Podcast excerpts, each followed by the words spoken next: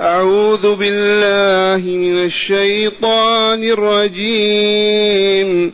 ومن أظلم ممن افترى على الله كذبا. أولئك يعرضون على ربهم ويقول ويقول الأشهاد هؤلاء الذين كذبوا على ربهم ألا لعنة الله على الظالمين؟ الذين يصدون عن سبيل الله ويبغونها عوجا وهم بالآخرة هم كافرون. أولئك لم يكونوا معجزين في الأرض وما كان لهم وما كان لهم من دون الله من أولياء. يضاعف لهم العذاب. ما كانوا يستطيعون السمع وما كانوا يبصرون. معاشر المستمعين والمستمعات من المؤمنين والمؤمنات أذكركم بأن القرآن الكريم هو الروح التي بها الحياة. وعرف هذا خصوم الإسلام والمسلمين. ومن ثم صرفوا المسلمين عن القرآن. فما أصبحوا يجتمعون في مسجد ولا في بيت ولا في ظل ويتدارسون آية من كتاب الله. وأصبح القرآن لا يجتمع عليه ولا يقرأ إلا على ميت فقط. طيلة ثمانمائة سنة وأكثر. القرآن الكريم لا يجتمع عليه اثنان أو ثلاثة أو أربعة لا في المسجد ولا في المنزل ولا في أي مكان لتدارسه ولمعرفة ما يدعو إليه ويأمر به وينهى عنه فماتت أمة الإسلام إذ أخذوا روحها عنها وأبعدوه عنها. وإن قيل كيف تقول هذا؟ أقول ألم تستعمرنا أوروبا؟ بريطانيا إيطاليا فرنسا أسبانيا بلجيكا كذا كذا. العالم الإسلامي يحكمه الكافرون. إي والله. بعض البلدان 130 سنة 100 سنة. فكيف لو كانوا أحياء؟ كيف يحكمهم الأموات؟ الميت يحكم الحي؟ الجواب أماتونا. فلما متنا حكمونا. أليس هذا برهان أقوى برهان؟ وحسبنا أن يقول الله عز وجل وكذلك أوحينا إليك روحا من أمرنا. ما المراد من الروح التي أوحاها؟ والله للقرآن سماه روحا. لما؟ لأن الروح بها الحياة. خذ الروح مات الجسم. إنسان وحيوان. عرف هذا اليهود والنصارى والمجوس. وفعلوا ما فعلوا. وما زلنا بعد الاستقلال والتحرر من سلطة المستعمرين ما زلنا نائمين. لا نقرأ القرآن إلا على الموتى. فحلقة كهذه نتدارس فيها كتاب الله لا يوجد منها عشر أو عشرين حلقة في العالم الإسلامي في هذه الليلة. لأنهم قالوا تفسير القرآن صوابه خطأ. وخطأه كفر. فكمموا العالم الإسلامي وألجموا من يقول قال الله؟ إذا ماذا نصنع بالقرآن؟ قالوا اقرأوا على الموتى. وإلى الآن القرآن يقرأ على الموتى. فهل يصح أن تضع بين يديك ميتا وتقع عليه توبخه أو تلومه أو تعتب عليه؟ يقوم يتوب ويستغفر؟ أو ماذا تصنع معه؟ أمر ما هو معقول أبدا. ولكن علينا البيان فبينا. لن تعود الروح الحقيقية لهذه الأمة فتحيا إلا إذا عادت إلى القرآن الكريم. كيف ذلك وهي تؤمن به وتتلوه وتعلم في مدارسها ومساجدها؟ الجواب إذا أرادوا الحياة بمعنى كامل إذا دقت الساعة السادسة مساء وقف العمل أغلقت أبواب المتاجر والمصانع وألقيت مساح الفلاحين من أيديهم وتوضأ المؤمنون والمؤمنات وحملوا أطفالهم إلى بيت ربهم.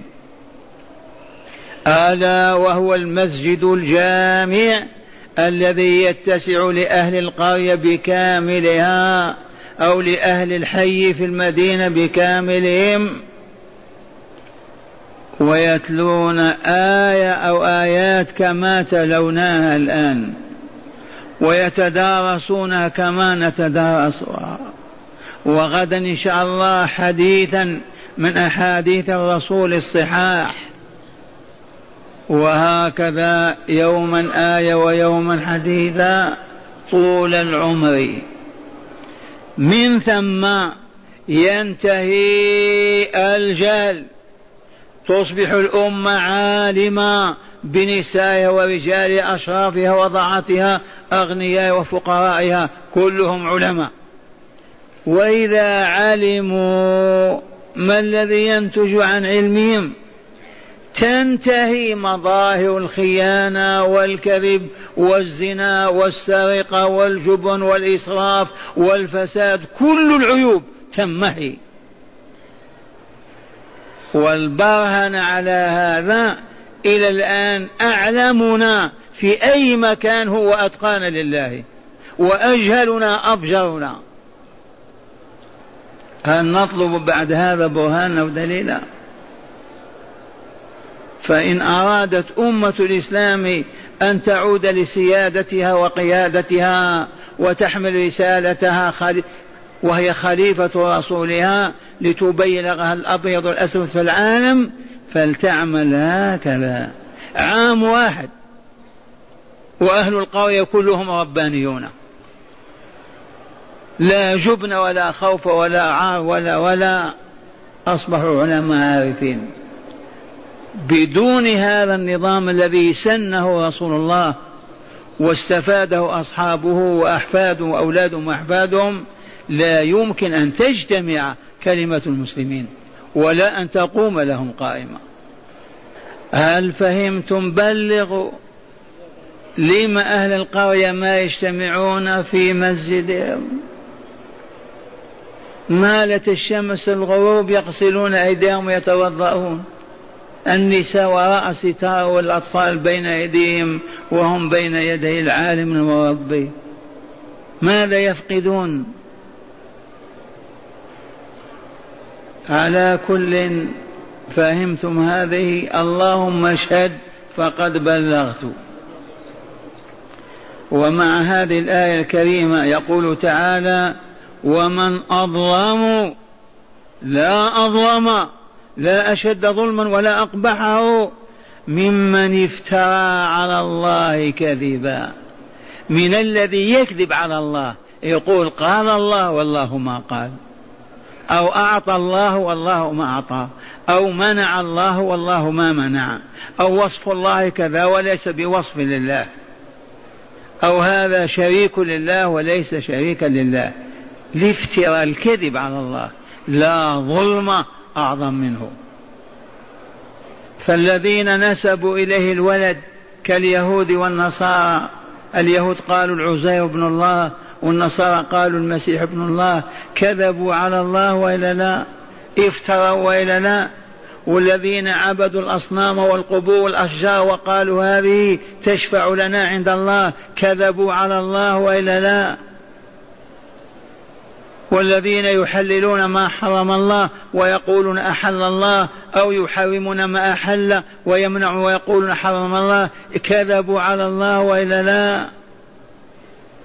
احذر يا عبد الله واحذر يا أمة الله أن تقول كلمة لم تعلم أنها من رضا الله أو من سخطه. لا تنسب إلى الله إلا ما نسبه إليه في كتابه أو رسوله. ولا تحلل ولا تحرم إلا ما حرم الله أو حلل الله ورسوله. فمن أظلم ممن افترى على الله كذبا أولئك المفترون الكذابون الكاذبون على الله. اسمع يعرضون يوم القيامة على ربهم. يقفون للحساب ثم الجزاء. عرض عجب. ويقول الأشهاد من الملائكة ومن النبيين ومن الصالحين ومن الدعاة والهداة يشهدون يقولون هؤلاء الذين كذبوا على ربهم هؤلاء الذين كذبوا على ربهم.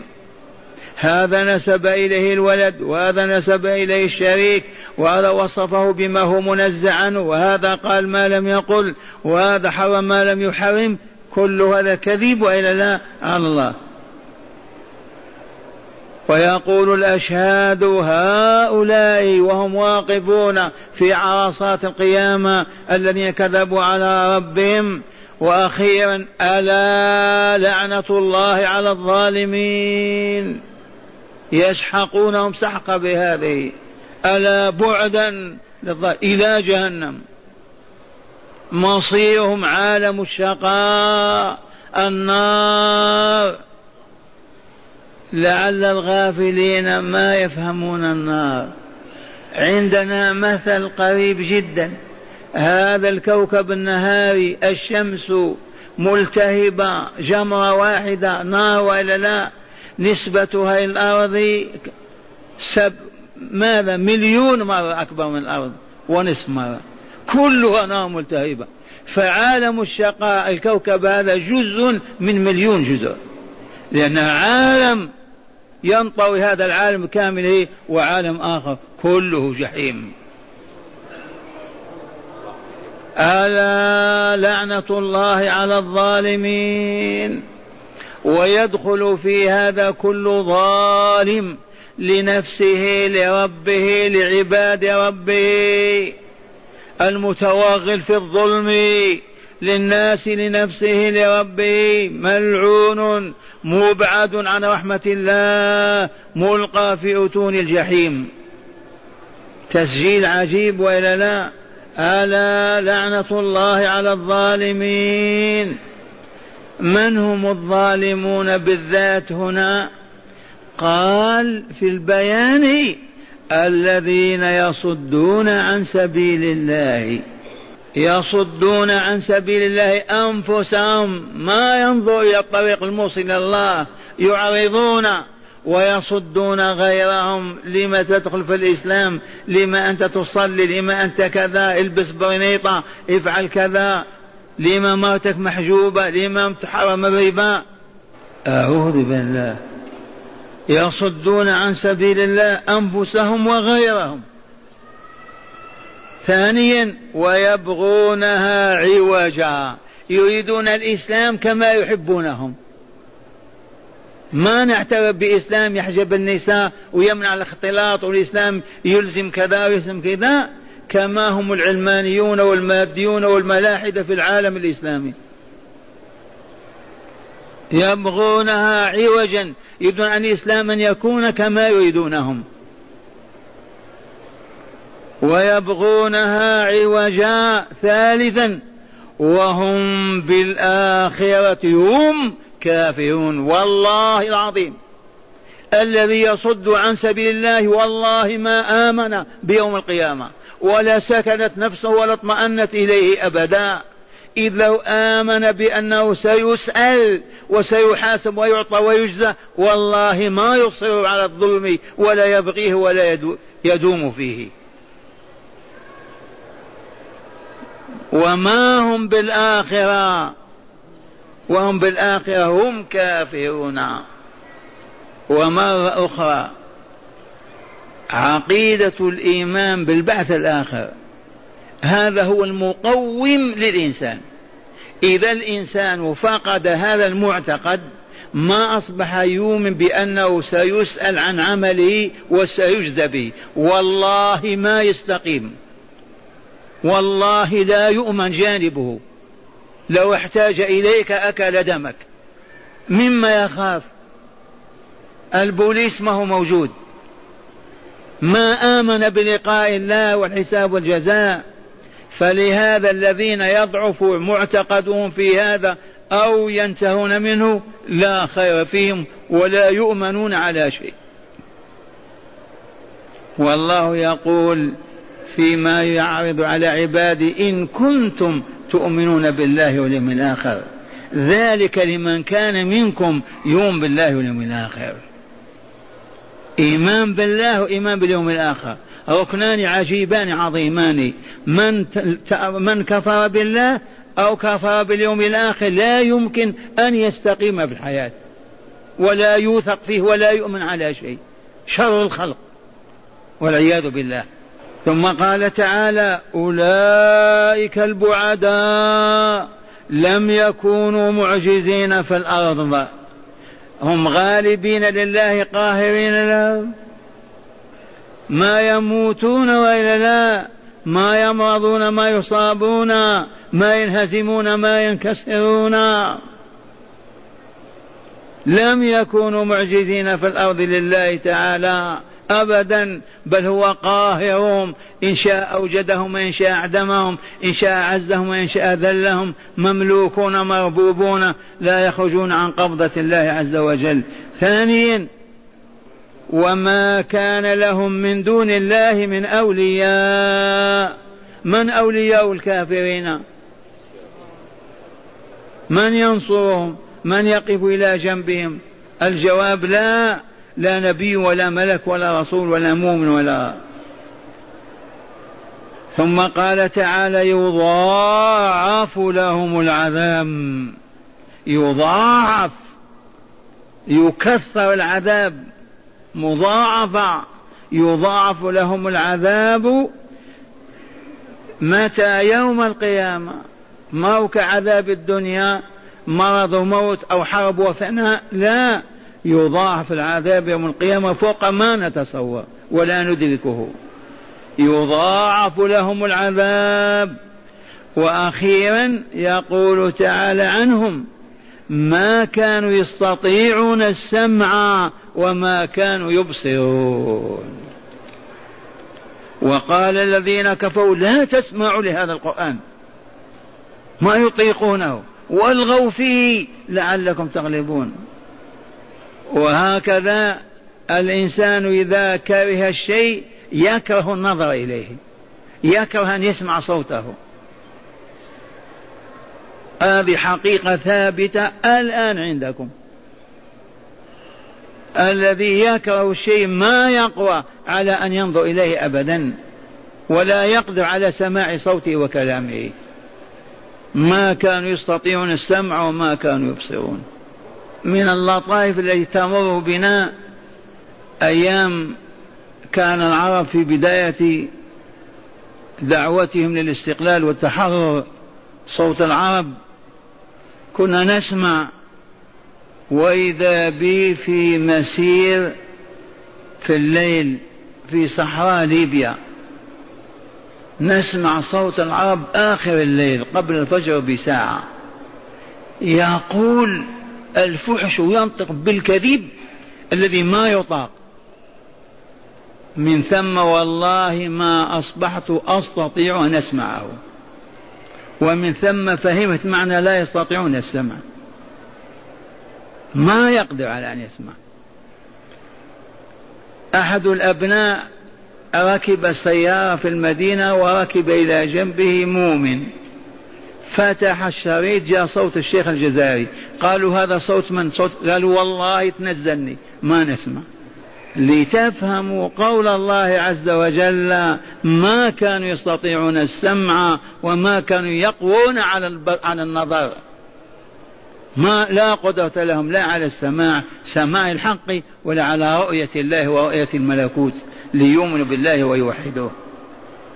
علة ذلك الكفر بالله ولقائه.